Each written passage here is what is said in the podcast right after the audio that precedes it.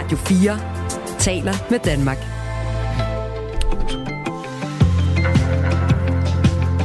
Velkommen til Radio 4 morgen. Vi har øh, lært navnet de seneste dage. Prigozhin, han øh, er jo død, lederen af Wagner-gruppen. Han øh, er bekræftet død, eller i hvert fald har man bekræftet, at han skulle have været ombord på det øh, fly, som øh, styrtede ned onsdag aften i Rusland. De russiske luftfartsmyndigheder har bekræftet, at 10 lige er fundet i øh, flyet, som havde 10 passagerer, deriblandt altså Prigozhin. Men øh, er han død i virkeligheden? Det er et spørgsmål, der fylder stadig hos nogen, efter at nyheden er kommet om hans formodede død. Jeg taler med en ukrainer lige om lidt, der bor i øh, Danmark, og en russer også, der bor i øh, Danmark, om deres tanker om øh, Prigozhins død, formodentlig død. De er ikke helt sikre på det, nemlig. Det er klokken her lidt over syv, jeg gør det. Og det store spanske cykelløb Vuelta af España begynder i den her weekend. Og blandt deltagerne er Tour de, Fra- Tour de France-vinderen Jonas Vingegaard. Og han går altså efter at vinde sin anden Grand Tour, som det hedder, i år efter den store Tour de France triumf. Vi taler med Anders Milke, som er cykelkommentator på Discovery og vært på den podcast, der hedder Forhjulslier. Det gør vi klokken lidt over halv otte. Så kan vi øh, her til morgen konstatere, at der ikke bliver raketopsendelse med øh, Andreas Mogensen. Han skulle have været afsted her klokken 9 47, var det sådan, det var, eller 9, 9 49. 49. Ja. Men det bliver ikke. Det bliver i morgen på, øh, på samme tid, at det, øh, det sker. Det er øh, tekniske detaljer, der er skyld i udskydelsen af rumrejsen i dag. Det øh, siger han selv, Andreas Mogensen, til øh, DR. Vi øh, kommer også til at kigge på her til morgen, hvad der kan være af årsager til det. Christoffer Karoff, lektor i astronomi og fysik ved Aarhus Universitet, gæster i studiet til en snak om øh, dels, hvad der er foregået i dag omkring aflysningen, og dels, hvad der kommer til at foregå i morgen omkring opsendelsen. En fredag morgen. Har du mærket det, fredagsstemningen? Ikke hvis jeg kigger ud af vinduet. Nej, men indeni. Inden i kroppen og inden i studiet, ja, der er der fredagsstemning. og dine værter her til morgen, det er Christina Ankerhus og Michael Robach. Godmorgen lytter til Radio 4 morgen. Wagner-lederen øh, Prigozhin er øh, meldt død. Det er jo ham, man så for to måneder siden lede et oprør, der havde kurs direkte mod øh, Moskva. Fra de russiske luftmyndigheder lyder det, at Prigozhin var på passagerlisten på det fly, der onsdag aften dansk tid styrtede ned i Rusland. Flyet, der øh, styrtede ned, er identisk med det privatfly, som øh, Prigozhin ejer og tidligere også har benyttet sig af. Og øh, vi har altså hørt russiske luftfartsmyndigheder bekræfte, at Prigozhin var med ombord på flyet, der styrtede. Vi har også set Putin øh, kondolere til familien. Men hos nogen nære tvivlen jo altså øh, alligevel. En, der tvivler, er Lesnia, Lesia Ignatyk Eriksen, formand for øh, ukrainere i øh, Danmark, som øh, kom til Danmark for 12 år siden. Godmorgen til dig. Godmorgen. Hvorfor er du i tvivl om, om Prigozhin virkelig er død? Uh, no, uh, det kan godt være inspireret. Det kan godt være, at det er bare, hvad hedder det, skuespil øh, at øh, på den måde Prigozhin bare vil gå ud af sende fra krig, og hvad hedder den, hvis man du, så han kunne ikke blive øh, ført i fængsel eller være i gang, det som ukrainerne faktisk øh, presser, fordi det er mennesker, som øh, laver virkelig meget, øh, virkelig dårlige ting til Ukraine, og vi ved godt, hvor mange af hans øh, hvad hedder, militær privat har gjort øh, i Ukraine. Så det kunne være en af øh, den øh, scenarium. Men selvfølgelig vi mere og mere fra det, vi var hørt fra i går, vi tænker faktisk, kunne det være, at han er du, og på grund af det, hvad der russiske medier og taler, at øh, Putin, øh, den mand, som aldrig vil glemme altså, den ting, som han, som han har gjort med den kub Prigozhin. Så faktisk vi øh, stadig tænker, at der er to veje der kan ske, eller det vil, vil være, have været skuespil, eller det er rigtigt, at øh, Putin står efter hans død. Men øh, russiske luftfartsmyndigheder har sagt i går, at Prigozhin var med ombord på flyet, der øh, styrtede, og øh, vi har også set øh, Putin kondolere. Der er altså ingen officielle medier eller myndigheder, der tvivler på, at øh, han er død. Den øh, tvivl, du så alligevel giver udtryk for, øh, kan det på en eller anden måde bunde i, øh, i dit kendskab til manden, altså også en form for frygt? Øh, Nej, det kan jeg ikke sige. Uh, hvad hedder den? Jeg tror, det er, øh, hvad hedder, vi, vi skal vide, hvilken land vi faktisk snakker om. I Rusland, der er mange ting er hemmelige, og du ved, ved ikke, hvad der er en virkelighed sket. Det er bare, jeg øh, læser alle de ukrainske medier og snakker med ukrainerne, og en del af Ukraine er stadig i tvivl. Fordi efter den øh, kub, som Prigozhin har gjort, det også ligner til os var en lidt en, en øh, hvad hedder, skuespil. Så øh, så vi, jeg, jeg tror, vi, vi aldrig vil rigtig vide, hvad der skete måske om et par år. Men selvfølgelig, øh, ja, jeg, selvfølgelig, jeg tænker, Putin, hun altid glemmer sådan ting. Jeg tror, han var tænker, at hvis det er ham, der står øh, efter, hvad hedder det, du, eller russiske officielle myndigheder, som også man snakker i Rusland selv om det. Så Rusland kunne være, øh, russiske myndigheder kunne være gjort. Det bare betyder, at hun synes, han synes, at Prigozhin er ikke mere mennesker, som man kan uh, stole på. Mm. Vi har fået en sms fra øh, Patrick Aargaard, der skriver til os, at er det ikke påfaldende, at øh, Prigozhin sendte en alt er godt video, og så meldes omkommet kort tid efter. Det forekommer mig i scenesat, skriver altså Patrick. Er øh, Prigozhin en person, som I har gået og talt om i ukrainske kredse her i øh, Danmark øh, siden hans militær kupforsøg? Ja, selvfølgelig. Selvfølgelig, og øh, hvad hedder den? Selvfølgelig, jeg, jeg synes, Prigozhin det er en af de øh, øh, største rolle i ukrainske krig, øh, specielt med Bakhmut. Vi ved godt, at hans militær, øh, hvad hedder den, var virkelig mange i Bakhmut, og, og de er også ansvarlige for mange øh, terror, øh, voldsomme stand øh, med ukrainske militær. Det var for i Ukraine, når der nyheden kommer, at der han du eller der skete noget med hans fly. Selvfølgelig, der er mange ukrainerne. Man kan ikke sige jubler, men det var ligesom en lille gave til øh, ukrainske øh, uafhængighedsdag.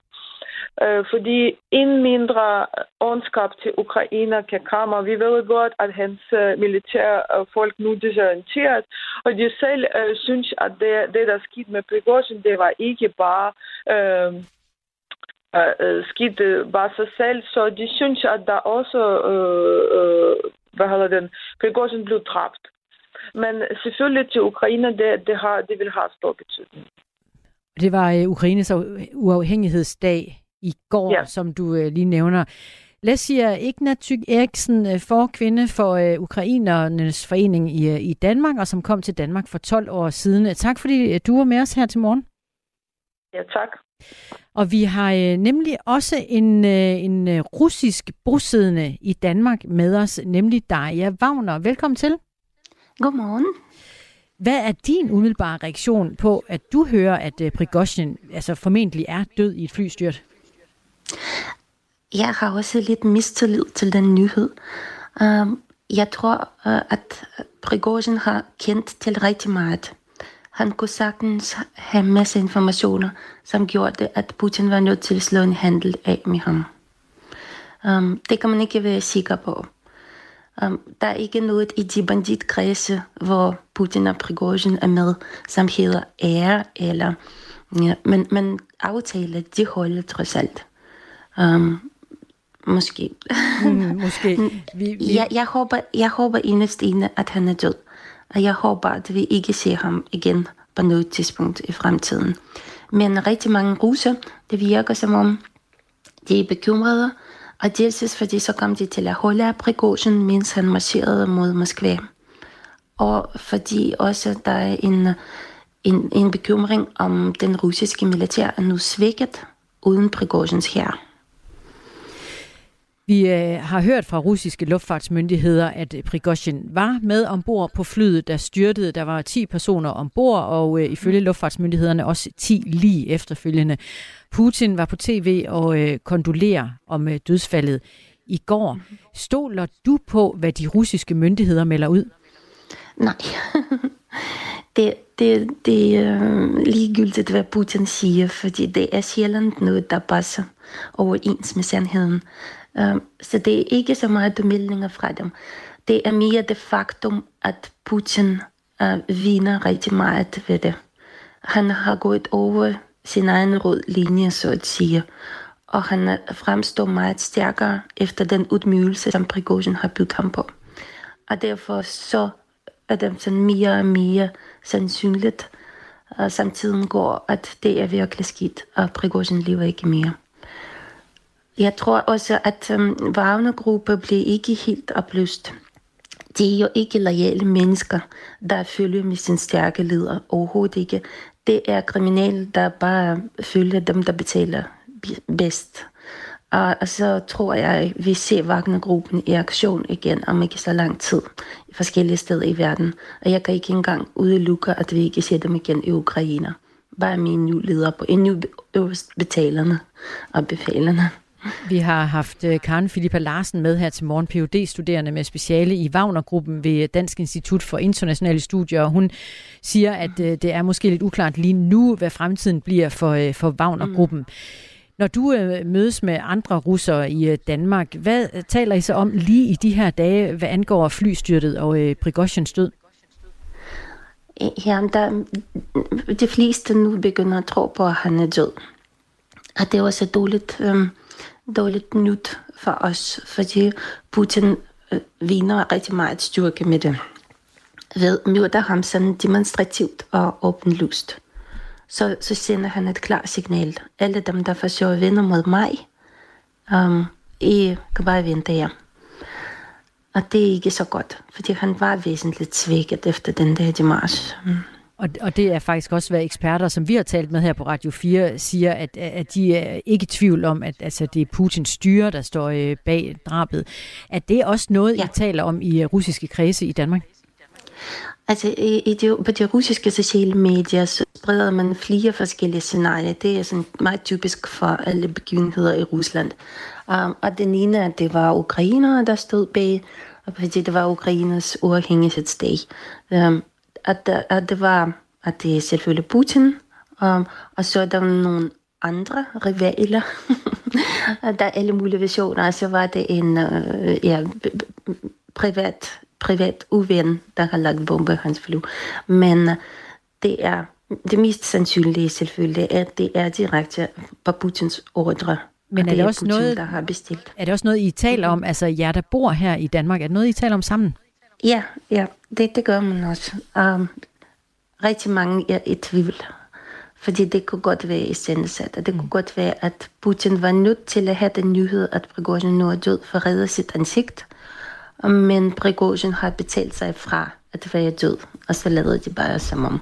Fordi, fordi der kan godt være, at Prigozhin har rigtig mange af Putins hemmeligheder med beviser uh, i, i godt uh, skjul, som kommer frem, skulle han være rigtig død. Um, så, så Putin var måske nødt til at lade ham gå. Men det ved jeg ikke, om vi nogensinde finder ud af. Det er i hvert fald ikke noget, som, øh, som myndigheder eller medier har øh, kunne øh, dokumentere endnu nogen steder. Der er jeg Wagner Russer bosiddende i Danmark. Tak for snakken her til morgen.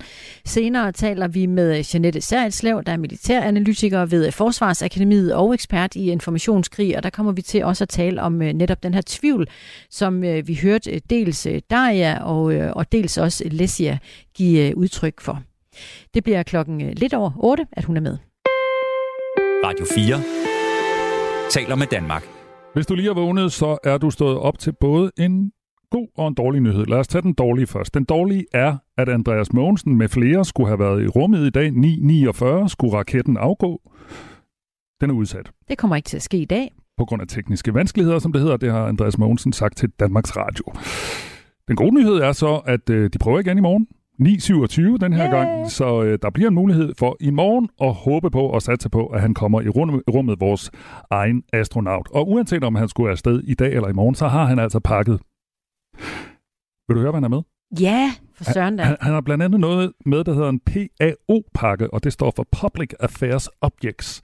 Og det dækker over genstande, der skal repræsentere dansk kultur og forskning på rumrejsen. Og genstande er blevet udlånt af forskellige institutioner og museer. Øh, og man ser jo også den her Hugin-mission, i hvert fald her i Danmark, øh, som en alle tiders øh, mulighed for at promovere Danmark. Han har blandt andet et 1500 år gammelt guldsmykke med, øh, som øh, man mener øh, forestiller Odin på rejse i en anden verden sammen med en ravn, og det kunne måske være Odins ravn, altså den ravn, det hedder Hugin, som øh, missionen her er opkaldt efter. Han har også fundet plads til Niels Bohr, Rasmus Klump og Karen Bliksen. Øh, Niels Bohr er repræsenteret ved den guldmedalje, han fik, da han modtog Nobelprisen i fysik i 1922. Og Rasmus Klump, det er en bamse, han er med. Den er udlånt af Tivoli, og den skal så undervejs appellere til de mindste rumfans. Så øh, børn og øh, barnlige sjæle også skal interessere sig for det. Jeg ved ikke rigtig, øh, om han sådan skal vise den op foran et kamera, eller om han skal ja, ja. sove med Rasmus Klump. Men med er Rasmus Klump. Det er jo jeg meget betryggende. med samme undren. Altså, hvordan skal de her forskellige effekter øh, ligesom blive brugt til at profilere Danmark undervejs? Jeg tror, de skal omtale. Ikke? Nu taler vi også om den. Det er blandt andet det, og kan vide, om han, du ved, der, er der jo sådan en rimelig mulighed for at, at sende live-billeder ned til jorden og sådan noget. Kan vide, om han på et tidspunkt kommer til at sidde med Rasmus Klump, eller Formentlig. vi ser billeder af Andreas Mogensen, der putter med Rasmus. Jeg ved det ikke. øh, Karen Bliksen, har han også med? Eller har, altså på en måde? Ja, på en måde. Hun er jo død for mange år siden, men han har hendes gamle fyldepen med. Og så har han også andre ting i tasken. Øh, han har en håndbold med, som han har lånt af Dansk Håndboldforbund. Han har en fodboldlandsholdstrøje med, og så har han øh, et dansk, et grønlandsk og et færøsk flag med, som han vil hænge op øh, ombord på rumstationen. Så har han en bog med af H.C. Ørsted. Der bliver jo rig mulighed til at læse lidt. Og så har han også en lille vindmøllemodel med. Altså ærligt talt, øh, hans kolleger deroppe, ikke? Altså, hvad, hvad siger de til, når han pakker alt det her ud og begynder at hænge op og altså, gøre ved? Jeg gætter mm. på, at de har lige præcis samme slags ting med, bare fra deres eget land. Og så den, i den private pakning, så har han øh, også t-shirts med fra de forskellige skoler og universiteter, som han har gået på. Og så har han øh, en baseball-kasket med, og et par joggingbukser, han planlægger på i weekenden, fordi hyggetøj, det er nemlig ikke en del af den øh, tøjpakke, NASA sender op. Og udover at læse en bog af H.C. Ørsted, så har han selvfølgelig også øh, en Tintin-tegneserie med. Kan du gætte, hvad det er for en, Christina? Den hedder, den hedder noget med rumrejsen, gør den ikke det? Den hedder... Nej, måne, tur, retur. Lige præcis. Ja. Og det er jo passende læsning til sådan en hyggelig weekend i rummet. Radio 4 taler med Danmark. Flere hundrede mindre danske virksomheder er i de her dage ramt af et alvorligt cyberangreb. Firmaet, de har haft mailsystemer og hjemmesider hos, er nemlig blevet lagt ned af hackere, der kræver mere end en million kroner i løsepenge. Med baggrund i den aktuelle sag er erhvervsorganisationen SMV Danmark her på Radio 4 morgen ude med en opfordring til det nationale cybersikkerhedsråd om at træde i, træde i karakter som råd. Jamen, det er fordi, at øh, det nationale cybersikkerhedsråd indeholder nogle øh, meget, meget øh, store kompetencer i form af nogle meget øh, flotte hoveder. Øh, og det, øh, altså, det er jo både professorer, og det er både fra nogle af de store danske virksomheder, og hvad hedder det, Center for Cybersikkerhed. Så vi mener, at der er nogle rigtig gode kompetencer, som Digitaliseringsministeriet simpelthen ikke udnytter nok i forhold til at øh, gøre noget ved cybertruslen, særligt mod de små og mellemstore virksomheder. Sådan sagde Pernille Birk, som er ansvarlig for øh, digitaliseringspolitikken i SMV Danmark, og hun efterlyser, at Cybersikkerhedsrådet kommer med nogle gode råd til øh, store og mellemsmå virksomheder. Hun står ikke helt alene. En af de 20 medlemmer i rådet Jakob Herbst fra IT-sikkerhedsfirmaet Dubæk siger også, at Cybersikkerhedsrådet bør træde mere karakter og blive mere aktivt. Man kan sige, som Pernille også siger, så sidder vi jo en, en lang række gode kompetencer i Cybersikkerhedsrådet, og jeg så da meget gerne, at, man, øh, at vores ressourcer bliver brugt noget mere, og vi hvad skal man sige, var noget mere synlige og noget mere ude, hvis det rent faktisk kan, hjælpe, kan være med til, at der er nogle flere virksomheder, der begynder at tage deres, øh, deres cybersikkerhed seriøst. Så det synes jeg sådan set er en, en rigtig fin og, og et stykke vejen også øh, øh, hvad hedder det, korrekt øh, input, som, som Pernille hun kommer med der. Per Olsen, han er en af tre formænd i Cybersikkerhedsrådet, og i øvrigt så er han også Chief Security Officer i Telenor. Godmorgen. Godmorgen. Hvad siger du til det? De synes, at øh, Cybersikkerhedsrådet skulle være lidt mere aktiv, komme med nogle gode råd. Hvad siger du til den kritik? Jamen, øh, jeg kan måske godt følge den til dels, men altså Cybersikkerhedsrådets Øh, Øh, rolle er, er en lille smule anderledes end, øh, end, at, end at rådgive SMV'erne. Cybersikkerhedsrådet er jo sat i verden for at arbejde på et strategisk niveau for at rådgive øh, regeringen og den nationale cyberstrategi på et mere langsigtet perspektiv. Men når det så er sagt, så, øh, så sidder vi en, øh, en flok dygtige mennesker, som, øh, som godt kunne gøre mere, tænker jeg. Vi har en masse gode kompetencer, men som sagt, det, er et råd, som består af et, et tredelt formandskab. Men lad mig så lige forstå det helt rigtigt. Forstår du kritikken af, at de måske kunne være mere aktive? Jamen, jeg synes, vi er aktive. Vi har, vi har også været, været tidligere ude og fortælle omkring, hvad, det, hvad, hvad kan man gøre som, både som, øh, som borger, som virksomhed og organisation i forhold til at, at styrke sit, øh, sit cybersikkerhedssetup. Øh, øh, for eksempel, da, ja, apropos Ukrainekrigen, der den brød ud, var vi også ude med, med nogle 10 ordnede tiltag, som Center for Cybersikkerhed kom med, som vi lavede en pressemeddelelse på og sendte ud. Og, så altså, jeg, jeg synes et eller andet sted, at vi, vi forsøger at ramme aktualiteten, hvor den er. Øh, men man kan jo altid gøre mere. Det kan, det kan alle jo gøre. Så, så derfor synes jeg også, det er vigtigt, at vi, vi kigger ind i de, den kritik, der kommer. Øh, men når man så kigger på Cybersikkerhedsrådet, så kan man så sige, at der er også dannet noget, der hedder Cybersikkerhedspakten, som netop er målrettet de små og mellemstore virksomheder. Og det er måske virkelig nok der, vi bør, øh, bør tage den her diskussion for at sikre, at det her det kommer til at ske. Men når jeg er inde på jeres hjemmeside, så står der øh, simpelthen i linje 2, at I bidrager til videndeling mellem myndigheder, erhvervsliv og forskningsverden. Jeg tror, det er det, der bliver efterlyst. At I deler den her viden med nogen, der faktisk har brug for det. Også helt aktuelt på grund af den her sag, jeg refererede til. Ja, men som sagt, det vil vi rigtig gerne gøre. Øh, vi forsøger at gøre det via de kanaler, som vi har. Der ligger også på øh, Digitaliseringsstyrelsens hjemmeside, der har vi jo lavet en masse råd og vejledninger til både til altså, som sagt, borgere, men også små virksomheder. Og, så jeg synes et eller andet sted, altså informationen er til stede. Vi vil gerne høre, hvordan vi, vi kan hjælpe med at få den yderligere ud. Det er der slet ingen tvivl om. Det kommer måske et bud på her. Lad os lige høre, hvad Pernille Birk også sagde til os tidligere i morges. Altså, jeg tænker, at øh, man øh, skal have Cybersikkerhedsrådet til at lave en akutplan. Vi kunne sige, at de fik fire måneder, det kan også være seks måneder, men de får en relativt kort tidsperiode. Og så skal de lave nogle forslag. Vi kunne sige, hvis de kunne komme med 8-10 forslag til, hvad kan vi gøre ved cybertruslen nu og her. Selvfølgelig kan de ikke få cybertruslen til at forsvinde, det ved jeg godt. Men hvad hedder det nu? Kunne man måske gøre noget, som man ikke gør i dag, der, øh, hvad hedder det, øh, gør det lettere at sikre sig mod, øh, hvad hedder det, cyberangreb. Det vil jo være øh, et sted at starte. Øhm, og det, det, det tror vi bare, at der er rigtig mange kompetencer til inden det cybersikkerhedsråd, så vi synes, det er ærgerligt, at man ikke fra Digitaliseringsministeriets side udnytter de kompetencer noget bedre. Jeg har sat uh, Pernille Birk fra SMV Danmark jeg lige på arbejde. Hvad siger du til det forslag? Jamen, det findes jo allerede, øh, og det er også offentligt tilgængeligt. Jeg nævnte de her 10 ordner tiltag, som Center for Cybersikkerhed de har lavet. De, de findes. Det handler om beredskabsplanlægning, sådan altså kedelige ting som opdatering af operativsystemer, applikationer, backup. Det er awareness-træning til sine medarbejdere, det er leverandørstyring, det er lokning af, af ting. Så, så alle de her ting, de findes. Man skal ikke, man skal ikke øh, tage for let på, på ting og tro, at hvis du lige får lidt gode råd her, så er du op og køre. Øh, sikkerhed implementeret både i små og mellemstore virksomheder er også en lidt langsigtet ting. Det er ikke noget, du bare lige gør hen over natten. Og det, det er et stykke arbejde, som, som skal fortsætte. Så, så jeg tror ikke, der er nogen let vej ved at sige, nu kommer vi lige med, med hvordan gør I det her på en, på en fix måde. Det er hårdt arbejde, også for SMV'erne, at sikre, at det her det kommer til at ske. Vi stiller gerne op og forklarer yderligere, hvad der er for nogle ting, der, der skal til. Men det er, øh, man kan ikke bare tro, at man sådan kan, kan få fem gode råd, og så er vi hjemme øh, på den her. Jeg taler med Per Olsen, der er en af tre formænd i Cybersikkerhedsrådet. En af de andre medlemmer, altså Jakob Herbst, han er jo sådan set også lidt inde i det her med, at I kunne stå tydeligere frem. Hvad siger du til det? Jamen, det tænker jeg da sikkert godt, vi kan. Så hvis øh, Pernille ikke har set det, så er det jo ikke tydeligt nok, øh, forstår jeg.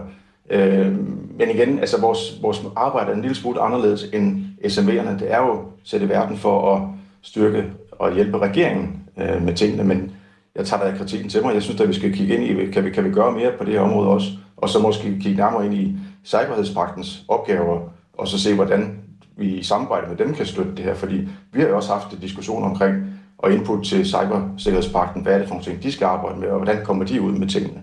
Så jeg tænker, der, der er nok af råd og diverse ting. Jeg tror bare, vi skal, vi skal kigge sådan samarbejdsmæssigt på, hvordan kan vi øh, styrke det her. Tak fordi du var med her, Per Olsen. Velkommen. Tak. Og Per Olsen er altså formand for Cybersikkerhedsrådet. Du lytter til Radio 4 morgen hvor vi øh, taler om øh, rummet og raketter og rumkapsler og rumstationer. Der er kommet et spørgsmål fra Rasmus Kaiser, efter at du fortalte, Michael, hvor meget har den gut øh, Andreas Mogensen han har pakket for at tage med. Og øh, Rasmus spørger, sig mig, hvor meget plads er der egentlig i sådan en rumraket? Og det vil sige, at der er jo de der forskellige definitioner. Han skal jo starte med at sidde i en rumkapsel, og det er rigtigt, der er ikke ret meget plads i den, og jeg ved ikke nøjagtigt hvor meget, men det har jeg set billeder af, det er der, hvor man ser astronauterne sidde ret tæt. Men når så først de er ude og koblet på rumstationen 400 km ude i rummet, så øh, bevæger de sig ind i en øh, rumstation, der er øh, 108 kvadratmeter stor, otte værelser, øh, adskillige toiletter også, og et stort fitnesscenter. Så der, der kan han sagtens være med alle sine ting. Det var lige en hilsen til Rasmus, der har skrevet på øh, 1424. Klokken er 7.30. Nu er der nyheder på Radio 4. Andreas Mogensen skulle have sat kursen mod den internationale rumstation her til morgen, men missionen er nu udskudt. NASA har endnu ikke forklaret, hvorfor opsendelsen er blevet udskudt, men Andreas Mogensen siger til DR, at der er nogle tekniske detaljer, man gerne vil gennemgå igen inden afgang. Han tilføjer, at det ikke er noget alvorligt, men at man alligevel har valgt at udsætte opsendelsen til i morgen. Det er endnu uklart, hvad de præcise tekniske detaljer bag udskydelsen nærmere er. Han fortæller, at han var forberedt på, at udsendelsen kunne blive udskudt, og glæder sig i stedet over, at han så har en ekstra dag med familien, som kan bruges på stranden. Opsendelsen vil i stedet foregå i morgen kl. 9.27. Et flertal af danskerne, 72 procent, mener, at politikerne skal gøre mere for at håndtere klimaforandringerne. Det, uddyb, det uddyber Susanne Dikemar. Det viser en ny meningsmåling, der er gennemført af Voxmeter for Region Syddanmark op til årets klimafolkemøde i Middelfart, der begynder 31. august, skriver Dagbladet Information. I målingen peger de adspurgte blandt andet på, at der skal investeres mere i sol og vind, og at der skal være økonomiske fordele i at handle klimavenligt. Når det gælder ferie, er klimabevidstheden knap så stor. 78 procent siger, det ikke har påvirket, hvor deres rejse er gået hen de seneste tre år. Kun 17 procent har lavet klimabevidstheden påvirke feriemålet. Stefanie Lose, der er formand for Region Syddanmark. Det er hende, der har bestilt voksmetermålingen, og hun siger, at hun anerkender signalet fra borgerne. Jeg mener, at det kræver politisk handling på alle niveauer at nå klimamålene, siger hun til informationen. Danmark har det tredje laveste antal trafikdræbte per million indbyggere i EU. Det viser en ny opgørelse, som er baseret på data fra CARE, EU's trafikuheldsdatabase. Opgørelsen viser, at der i 2021 var 22 trafikdræbte i Danmark per million indbyggere. Til sammenligning var det gennemsnittet i EU på 45 trafikdræbte per million indbyggere. Dermed er tallet i Danmark markant lavere, hvilket betyder en topplacering i EU. Faktisk har Danmark reduceret antallet af trafikdræbte med over 21 procent på et år, og med cirka 35 procent, hvis der sammenlignes med 2019. GPS-tracker på 43 vilde dyrearter fordelt over det meste af kloden afslører dyrene ændret adfærd under coronanedlukningerne. Det viser et nyt internationalt forskningsprojekt, som Aarhus Universitet har bidraget til. Ifølge Peter Sunde, der er professor på Institut for Ecoscience på Aarhus Universitet, dokumenterer projektet, at vi mennesker påvirker dyrelivet i langt højere grad, end vi er bevidste om. På daglig basis skal alle pattedyr finde ressourcer til livets opretholdelse, men tallene viser, at tilstedeværelsen af biler og mennesker stresser dem og begrænser deres færden til små mennesketomme områder, siger han. Han er ansvarlig for det danske bidrag med fire krondyr på Aarstrup Hede lidt nord for Herning. De var blevet mærket med tracker året før, så deres adfærd kunne sammenlignes før og efter nedlukningen. Under de hårde nedlukninger kom dyrene generelt tættere på veje og byer, og fik på den måde et større område at udfolde sig i. Men sådan så det ikke ud herhjemme. Effekten på dyrelivet har højst sandsynligt været den modsatte i Danmark. Flere mennesker i naturen har presset dyrene endnu mere end normalt, siger Peter Sunde.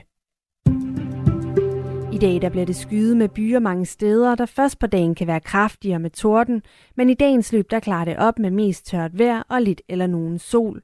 Temperaturen den kommer til at ligge mellem 16 og 23 grader, og efterhånden så kommer der en svag til jævn vind omkring vest. Det her var nyhederne på Radio 4 med Malu Freimann. Du lytter til Radio 4 morgen. Husk, du kan skrive en sms til os på 1424. Christina, er du sådan en, der ligger der på sofaen midt i sommerferien og ser Tour de France? Jeg kan afsløre, at jeg sætter mig i en lænestol med mit strikketøj, og så ser jeg de allermest interessante øh, etapper, hvor det går opad og opad og opad, eller hvor det er enkeltstart, hvor det bare går af. Så du er ligesom til de høje bjerge? Jamen, jeg vil gerne have der, hvor det ligesom bliver afgørende. Altså, jeg så da de uh, kongeetappen her i Tour de France i sommer, hvor Vingegaard, han, uh, han satte på Gacha i den grad. Jeg tænker også, der var mange, der så med i år.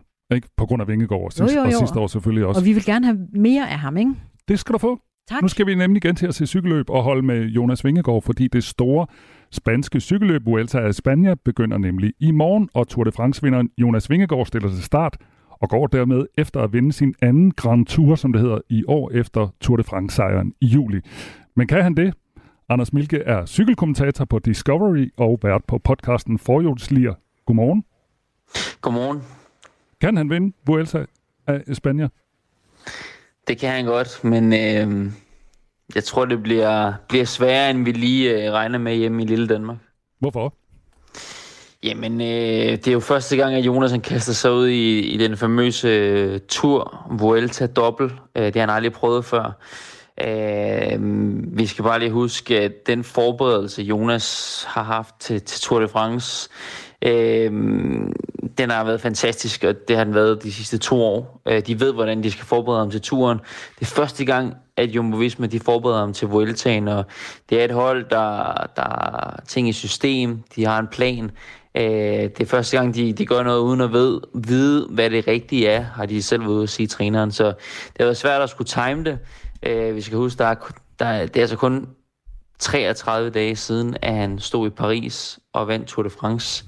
Øh, så har der været en uge, hvor han skulle igennem masse festligheder i, først i København, øh, først i Holland, så i København, så hjemme i Glyngør.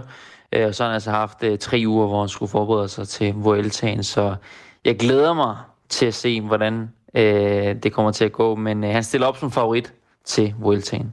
Men hvorfor skal han overhovedet med? Fordi som du selv siger, han har haft travlt med at fejre Tour de France-sejren, og øh, det har jo været nogle hårde uger i Tour de France. Altså hvorfor er han med? Han var jo ikke med i Vueltaen sidste år.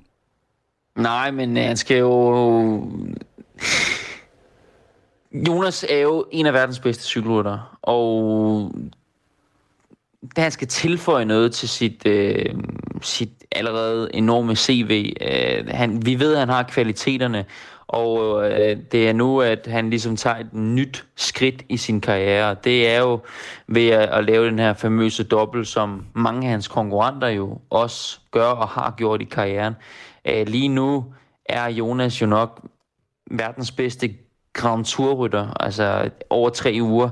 Og øh, det skal han så bevise, at han kan vinde andre Grand Tours end, end kun Tour de France. Så øh, øh, der er kun tre rytter i historien, øh, i hvert fald sådan lige jeg kan finde ud af, der øh, både har vundet turen og Vueltaen i samme år. Senest var det Chris Froome i, i 2017, øh, og ellers så har de to franske legender, Bernard Hinault og Jacques Anquetil, også gjort det. Det var henholdsvis i 78 og 63, så han vil blive historisk, hvis han gør det, Jonas, øh, og det vil bare bekræfte øh, det, øh, den status, han har bygget op som, som verdens bedste øh, Grand Tour-rytter, men, øh, men det bliver en anden øh, øvelse og udfordring, end, end han har prøvet før. Tør du, øh, nu sagde du, at han var favorit. Tør du gætte på, altså sådan, hvor stor er sandsynligheden for, at han også kan det her?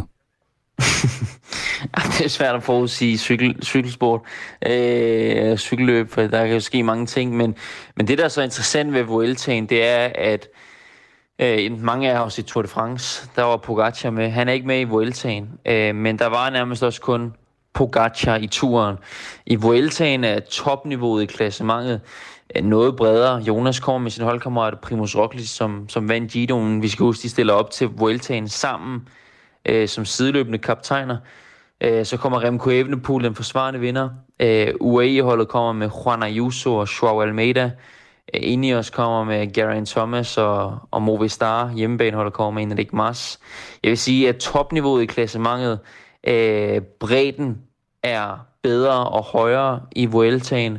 Øh, der er flere rytter, Jonas skal holde øje med. Han kommer så også med, med, med suverænt klart det stærkeste hold, har, har Primus Roglic med sig. Øh, ruten i Spanien passer Jonas rigtig godt. Der er en enkelt start, som vi ved, han er god til. Øh, der er nogle høje bjerge, og det er rigtig varmt i Spanien på det her tidspunkt. Og vi ved, at, at Jonas er god i varmen. Øh, så han stiller op som favorit. Men øh, jeg er spændt på at se, hvordan, øh, hvordan det går, hvordan han, han øh, balancerer det her med at skulle køre to Grand Tours øh, på en sæson. Nu sagde du, at Jonas Vingegaard og Primoz Roglic begge er kaptajner. Hvad betyder det? Betyder det, at den, der har de bedste ben, er så den hele holdet kører for, eller hvad betyder det i praksis? Det betyder, at de starter løbet med den plan om, at øh, de skal beskytte begge ryttere. Og det så vi jo sidste år i turen øh, 2022. Det var den samme plan, øh, hvor man havde lidt sådan lidt i baghovedet, at det nok var Roglic, der var sådan måske 65-45 kaptajn. Det var ham, der fik mest støtte. Men så styrtede Roglic jo tidligt og tabte tid, og voilà, så blev det Jonas, de skulle køre for. Han viser også at være den klart stærkeste. Øh, jeg tror, at Jonas stiller nok også op som en større kaptajn end Primus gør. Øh, måske 55-45, men altså, Primoz Roglic, han er, altså, han har vundet Vueltaen tre gange, han er en Gidon i år. Øh, det er kun en fordel, at de er der sammen. Øh, også for Jonas' skyld, at, at han har Roglic. Øh, så, øh, så de starter ud som kaptajner sammen, så kan der ske ting og sager. Og vi finder ud af det ret tidligt, øh, hvem der er den stærkeste af de to, fordi at, øh, de kører et holdløb, øh, i, i morgen aften, øh, hvor det hele starter, og så øh, i Barcelona, og så går det allerede løs i Andorra i bjergene, allerede på, på tredje etape. Så jeg tror, vi får øh, svar på, hvem der er en stærkeste rytter på, på Jumbo Visma fra start. Som du måske hørte, inden vi sagde god morgen til dig, så talte min medvært Christina og jeg om det der med at se Tour de France. Og jeg er lidt ligesom Christina, bortset fra, at jeg ikke sidder med strikketøj. Altså, jeg ser Tour de France om sommeren, og så ser jeg alt talt ikke ret meget andet. Kan du ikke lige hjælpe os? Hvad er den store for, øh, forskel på Tour de France og Vueltaen? Jamen, Tour de France er jo en, øh, det er jo blevet en kulturel ting i Danmark. Øh, Vueltaen er også et godt løb, og det er måske altså, til nogle tider, så, så turen bliver jo, bliver jo talt op og alt det her. Det er verdens største løb, det er verdens hårdeste løb. Der er meget mere opmærksomhed omkring det. Men der sker nogle, nogle andre øh, bemærkelsesværdige ting og overraskelser i, i de andre løb tit. Øh, det bliver ikke kun Vingegaard og Pogacar, du skal holde øje med i Vueltaen. Der er, jeg siger, der er fem rutter, der kæmper om sejren i Vueltaen. Øh, Vueltaen kan mange ting på sin egen måde. Øh, og ligesom man må rejse rundt i Frankrig og ser øh, de forskellige regioner, så gør det du samme i, i Spanien. Jeg starter i Katalonien og skal rundt i, i landet. Så jeg vil helt klart anbefale folk at, at se øh, Vueltaen. Særligt hvis man kan lide at se Tour de France, så, så er Vueltaen altså... Øh, ja, jeg synes, den er lige så god. Så øh, det kan man godt tune ind og se. Du har solgt den til mig. det, er, det er jeg glad for at høre. Udover Vingegaard, så deltager der tre andre danskere i Vueltaen. Det er Andreas Kron, Kasper Pedersen og Julius Johansen. Er der nogen af dem, vi skal holde øje med, eller nogen af dem, der har en chance for at vinde en eller anden farve trøje, eller komme på podiet? Ja, Kasper Pedersen øh, er udtaget øh, som hjælprytter, 100% hjælprytter for øh, Remco Evenepoel, den, den forsvarende vinder. Så jeg tror, vi kommer til at se ham meget i cykelløbet øh, i front og, og føre og hjælpe Remco. Men han har selv været udtalt øh, faktisk til Eurosport, at øh, han er der 100% for at bakke Remco op. Han skal ikke gå efter noget personligt resultat. Øh, Julius Johansen skal afsted i udbrud, øh, som man gjorde sidste år, var blandt andet afsted i udbrud på, på etappen til Madrid, men bliver også en, en vigtig rytter for deres sprinter på holdet, øh, Gerben Theisen. Og så glæder jeg mig rigtig meget til at se Andreas Kron. Han er nok den rytter, den øh, dansker ud over Vingård selvfølgelig, som har har størst chance for at, at tage en etappe. så jeg tror, at der er en del kuperede etapper, Øh, det skal vi huske i Vueltaen. Øh, hvis nogen synes, at sprinteretapper er kedelige i turen, dem er der måske tre af i Vueltaen. Øh, det går op og ned hele tiden, og Andreas har, har forberedt sig rigtig øh, flot op mod Vueltaen. Øh, han, han skibede turen, ved jeg, fordi han ikke følte, at han var i, i god nok form, og så ville han hellere stå mere frisk og klar til Vueltaen. Så han går benhårdt efter en etappesejr, og øh, umiddelbart, når jeg kigger på ruten, så tror jeg, der er 6-7 etapper, som som ligger til kron med, at han skal ud i et udbrud og, og gå efter etappesejren, og, og jeg tror på, at øh, han kan gøre det. Det lyder altså som om, vi skal se Vueltaen. Gør vi. det, det skal I. Tak skal du have, Anders Milke, cykelkommentator på Discovery og vært på den podca- podcast, der hedder Forhjulslier. Og Vueltaen starter i morgen lørdag med en 14,8 km lang prolog.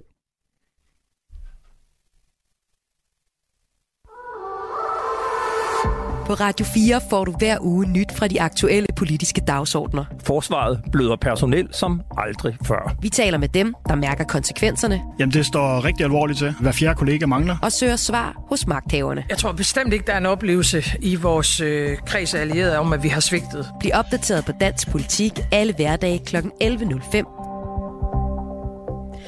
Tidligere præsident øh, Donald Trump har øh, delt et, øh, et billede, et foto, man kunne kalde det et portrætfoto på mediet X, det vi tidligere kaldte Twitter. Et portrætfoto, øh, som i virkeligheden er et forbryderfoto, altså det der mock-shot, som politiet tager, når de anholder en person i USA. Det billede, han delte i går, det er altså taget i forbindelse med, at han blev anholdt og løsladt i går i Georgia, i delstaten Atlanta billedet, han har delt, altså det, øhm, altså, ja, jeg ved sørme ikke rigtigt, hvordan vi skal beskrive det, Michael. Altså, forbryderfoto ved vi jo godt, at det er sådan taget ret close-up, ikke? Altså, man ser et ansigt, men her, der vælger uh, Trump så sit uh, mest forbryderiske ansigt. han ser meget brysk ud, han kigger sådan lidt ned og lægger hårdt ind i kameraet. Kan vi ikke sige det? meget hårdt. Altså, hvis jeg mødte nogen, der stirrede på mig med det blik der, altså, så ville jeg fryse til is. Han, øh, han ser ret så hård ud. Og så øh, har han øh, skrevet nedenunder valgindblanding. Overgiv dig aldrig. Never surrender, står der. Det er hans første opslag på, øh, på Twitter meget, meget længe. Det seneste, han lavede, eller på X hedder det jo nu, det var i øh, januar 2021 i forbindelse med stormløbet på øh, kongressen. Og så med det her opslag, der kan man jo godt øh, tolke, at nu er han tilbage igen. Ikke? Altså nu, øh, nu er han der virkelig, og han gør det med øh, sådan en understregning af, se lige mig, jeg er her, og jeg giver aldrig op. Og han fik ikke øh, bare taget sådan et billede her, han måtte også afgive fingeraftryk, og han blev også vejet. Jeg ved, jeg ved simpelthen ikke, hvorfor man skal vejes, når man øh, får taget de her billeder og bliver anholdt. Står ja. der, hvad han vejer? Det har jeg ikke set nogensinde. Ja, hvad tror han, er, han er sådan en, øh, en stor fyr, ikke? Han er både jo, høj og bred, og ja. øh, jamen, han, han vejer nok... Øh, nu siger jeg 95 kilo. Det er meget godt. Han vejer 98 kilo. Nå ja, det var da ikke helt ja. Nå, ja, men øh, billedet, øh, det kan man selv se. Det ligger på X, øh, tidligere kendt som øh, Twitter, er blevet øh, delt mere end øh, 120.000 gange, siden det blev lagt øh, på i går. Så øh, det kan man egentlig også bare selv finde. Og klokken cirka 20 minutter over 8, så tager vi en tur med Thorsten Jansen, som er USA-analytiker om det her billede og hele den her historie med Trump. Radio 4 taler med Danmark. Men nu øh, rykker vi ud i øh, årets landsby. Det blev nemlig kåret i går, hvilken landsby i Danmark, der er den bedste. Og det er Sparkær ved øh, Viborg. 625 indbyggere er der i den by, som altså nu er årets landsby. Det er Landdistrikternes Fællesråd, der har peget på netop den by. Helene Simoni Torp er komitéformand for den komité, der står for udvælgelsen og udnævnelsen. Og hun fortæller her, hvorfor at det lige præcis blev Sparkær. Sparkær, de har på mange måder overrasket os fuldstændig. De var måske den der lidt undertippede, lidt mindre landsby, som har kæmpet fra tue til tue. Men da vi så kom derud, så øh, havde de virkelig fået skabt sådan et helt fantastisk skønt smørhul med fantastiske fællesskaber og grønne områder og tilbud på alle hylderne til børn og unge. Og, men, men det, der faktisk for alvor slog benene væk under os, det var, at de ved hjælp af stærke og utrættelige kræfter havde fået etableret sådan et trinbræt i byen, og det er noget, der ellers stort set er umuligt for en lille landsby at få gjort. Og det er bare en utrolig stærk historie, fordi det kommer til at få kæmpe betydning for byens udvikling og mobilitet, men også for klimaet. Og, øh, og så har de jo også arbejdet med at øh, få transformeret byen, som jo er en gaslandsby, det er jo rigtig mange landsbyer, der er det, til nu at få fjernvarme ikke nok med det, nu får de faktisk også solceller ude i sådan et øh, vådområde tæt på byen med byens opbakning. Så, så det var noget af det, som vi virkelig blev imponeret over ved den her landsby. Jan Kirs Pedersen, han er talsmand for udviklingsgruppen i Sparkær, og han kalder den her kåring til årets landsby for kæmpestor. Det er voldsomt stort. Altså, det, det er så stort, som næsten ikke har fået armene ned nu det er jo stort for hele byen, fordi vi er så mange frivillige, der er i gang, og vi er for så mange forskellige udvalg og, og grupper, der arbejder for byen. Og så får det skulderklap, at, at vi bliver årets landsby 2023, det, det er helt ufatteligt. Byen er en grøn by, og der er rig mulighed for at bruge tiden på mange forskellige aktiviteter i den lille landsby. Det fortæller Jan Kirs Pedersen. Det er en grøn by, øh, bogstaveligt, både miljømæssigt og øh, beliggenhedsmæssigt. Øh, Sparkær, det kommer ind der spurvenes kær, Øh, og det, det, par, det svarer meget godt til vores omgivelser også. Det, der er meget natur omkring os. Øh, vi er de der 625 cirka, som du sagde. Vi har stadigvæk øh, skole og børnehave. Og så har vi lige fået etableret nogle vandreruter rundt i byen. Ja, rundt i naturen omkring byen. Øh, vi har en meget aktiv idrætsforening. Vi har aktivitetsmuligheder. Øh, hvad hedder det? Udviklingsgruppen har fået etableret en fodboldgolfbane, og vi har fået outdoor fitness og et øh, amfiteater, hvor der er både koncerter, lokale øh, møder og øh, egensteater. Så vi, vi, vi er en, en vidtfavnende by. Og Sparkær får ikke bare æren, men med kåringen som årets landsby, der følger os 50.000 kroner, og de penge, de får hurtigt ben at gå på. Altså, vores aktivitetsområde hedder Billingeparken, og der er der ønsker om at få noget belysning derop. Ydermere så har vi en sø øh, i byen, og der er der også ønsker om, at der kommer en, en øh, vandrerute, en markeret vandrerute rundt om den. Det, og så har vi øh, nogle fantastiske landsbypedeller, som sørger for, at byen er pæn og ordentlig hele tiden. Og øh, der er der ønsker om nogle blomsterkummer. Så de 50.000, de får hurtigt ben at gå på. Sådan sagde Jan Kirs Pedersen, der er talsmand for udviklingsgruppen i Sparkær, og stort tillykke til Sparkær. Du lytter til Radio 4 morgen. Vi øh, skulle have skrevet en form for øh, rumhistorie i dag. Danske Andreas Mogensen skulle have været afsted, afsted ud i uh, rummet, men, men, men, men, det blev altså ikke til noget. Det blev en fuser. Ja, han har sagt til Danmarks Radio, at det var på grund af tekniske vanskeligheder, de slet ikke kom afsted. I stedet for så øh, er der nu en ny et nyt tidspunkt på. Det skulle så foregå i morgen kl. 9.27. Det håber vi så bliver rigtigt. Og det er ikke bare dig og mig, der håber det. Det er også Christoffer Karoff, lektor i astronomi og fysik ved Aarhus Universitet og lektor ved Institut for øh, Geoscience, som er med os. Nå, kommer det til at ske i morgen, Christoffer? Det ved jeg ikke. Øh, sandsynligvis vil jeg sige. Øh, ja, 70-80 procent sandsynlighed for, at det sker i morgen. Lidt det samme, som man havde sat frem imod i dag. Ikke? Ja. Hvad ved du om uh, årsagen til, at uh, det er blevet udsat 24 timer opsendelsen af Andreas Mogensen og de andre tre? Ja, det, uh, NASA har ikke meldt noget officielt ud andet end, uh, end uh, hvad hedder det, uh, tekniske uh, ting, der skulle ses ind til. Uh, den hjemmeside, som hedder Spaceflight Now, som, som plejer at være, være utrolig troværdig, og hvad det her angår, øh, meddeler om, at øh, der var et russisk øh, fartøj, der lagde til i går. Det gør russerne rigtig ofte, øh, og, og er store leverandører til, til rumstationen, øh, hvor de øh, oplevede nogle ting, de lagde til, som de gerne lige vil undersøge øh, i, i større detalje, før der er endnu et fartøj, der, der skal lægges til derop. Øh, så, og det lyder sandsynligt som det er, det er årsagen til det. Men når vi så øh, vender tilbage til, at det sker i morgen, og når så det sker, vi krydser fingre og tær, hvor vildt er det så lige, at vi har en dansker, Andreas Mogensen, der skal afsted på sin anden tur ud i rummet, endda øh, i et helt halvt år skal han være afsted? Det er helt sikkert en af, af de største ting inden for, for dansk videnskab i, i mange år, at, at han skal så lang tid derop. Øh, og det, det er et utroligt stor anerkendelse af den danske rumsektor generelt, og og selvfølgelig også i altså stor, særdeleshed uh, Andreas Mogensens arbejde. Uh, han får ikke en seks måneders tur, hvis ikke han er, er en af de aller, allerbedste. Og yderligere, så er han jo så blevet udvalgt til at være pilot uh, på den her Dragon-opstillelse i morgen. Og når han kommer op på rumstationen, så skal han altså også lede den. Uh, så, så det er en utrolig stor anerkendelse til både Andreas Mogensen og den danske rumsektor. Hvorfor får han uh, den ære og anerkendelse?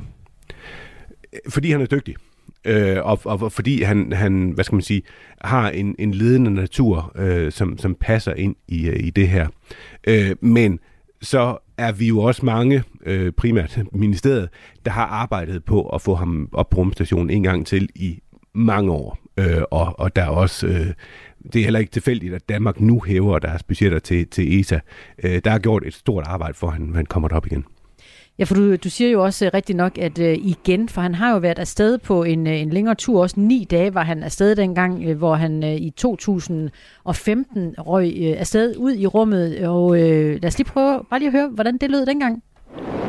and liftoff for the 500th time from Gagarin's start, a rocket roaring into the air. Sergei Volkov, Andreas Mogensen, and Idine Amatov on their way to the International Space Station lyd fra NASA den 2. september øh, 2015. Forhåbentlig får vi øh, cirka samme lyd i, øh, i morgen. Det blev ikke i dag, som vi jo ellers havde håbet på så længe, og havde lagt også lidt i kakkeloven til til en rumfest her i radioen også.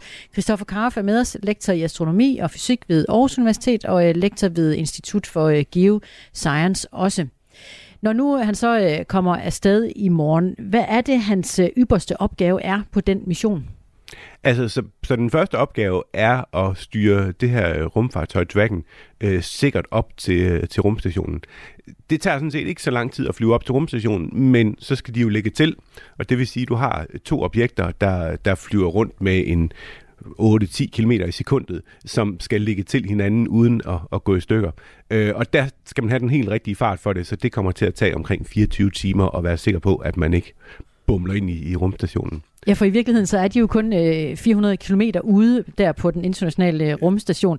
Men øh, det, der tager tid, er, er selve tilkoblingen? Ja, eller, eller det at, at nærme sig rumstationen med præcis samme hastighed, som den rumstation øh, bevæger sig med, der, der, der tager tid. Hvor meget ekspert du lige præcis er i, øh, i, i den øh, raket, han skal, han skal sidde i på vej derud, det ved jeg jo sådan set ikke, men nu prøver jeg alligevel lykken, for vi har fået et spørgsmål om alt det har gut han har med. Vi ved godt, der er plads ude på rumstationen. Der er sådan set rigelig plads, men i selve den rumkapsel, hvor de befinder sig i, hvor meget plads er der i den? Øh, der er ikke overvældende meget plads til, til, til øh, det, vi kalder cargo, øh, altså sådan nyttelast. Øh, men som sagt, så var, var der et, et russisk fartøj deroppe i går med, med nyttelast, så det kommer der op med, med, med andre fartøjer. Så ja, så, men så, der er noget plads. Og, og vi har jo set billeder af, hvordan de også sidder derinde. Altså, man kan godt sådan bevæge arme og ben, og, øh, og der er også plads til en kuffert. Ja, så sidste gang, at, at øh, at Andreas Mogensen var afsted, der var han jo så afsted med, med et russisk fartøj.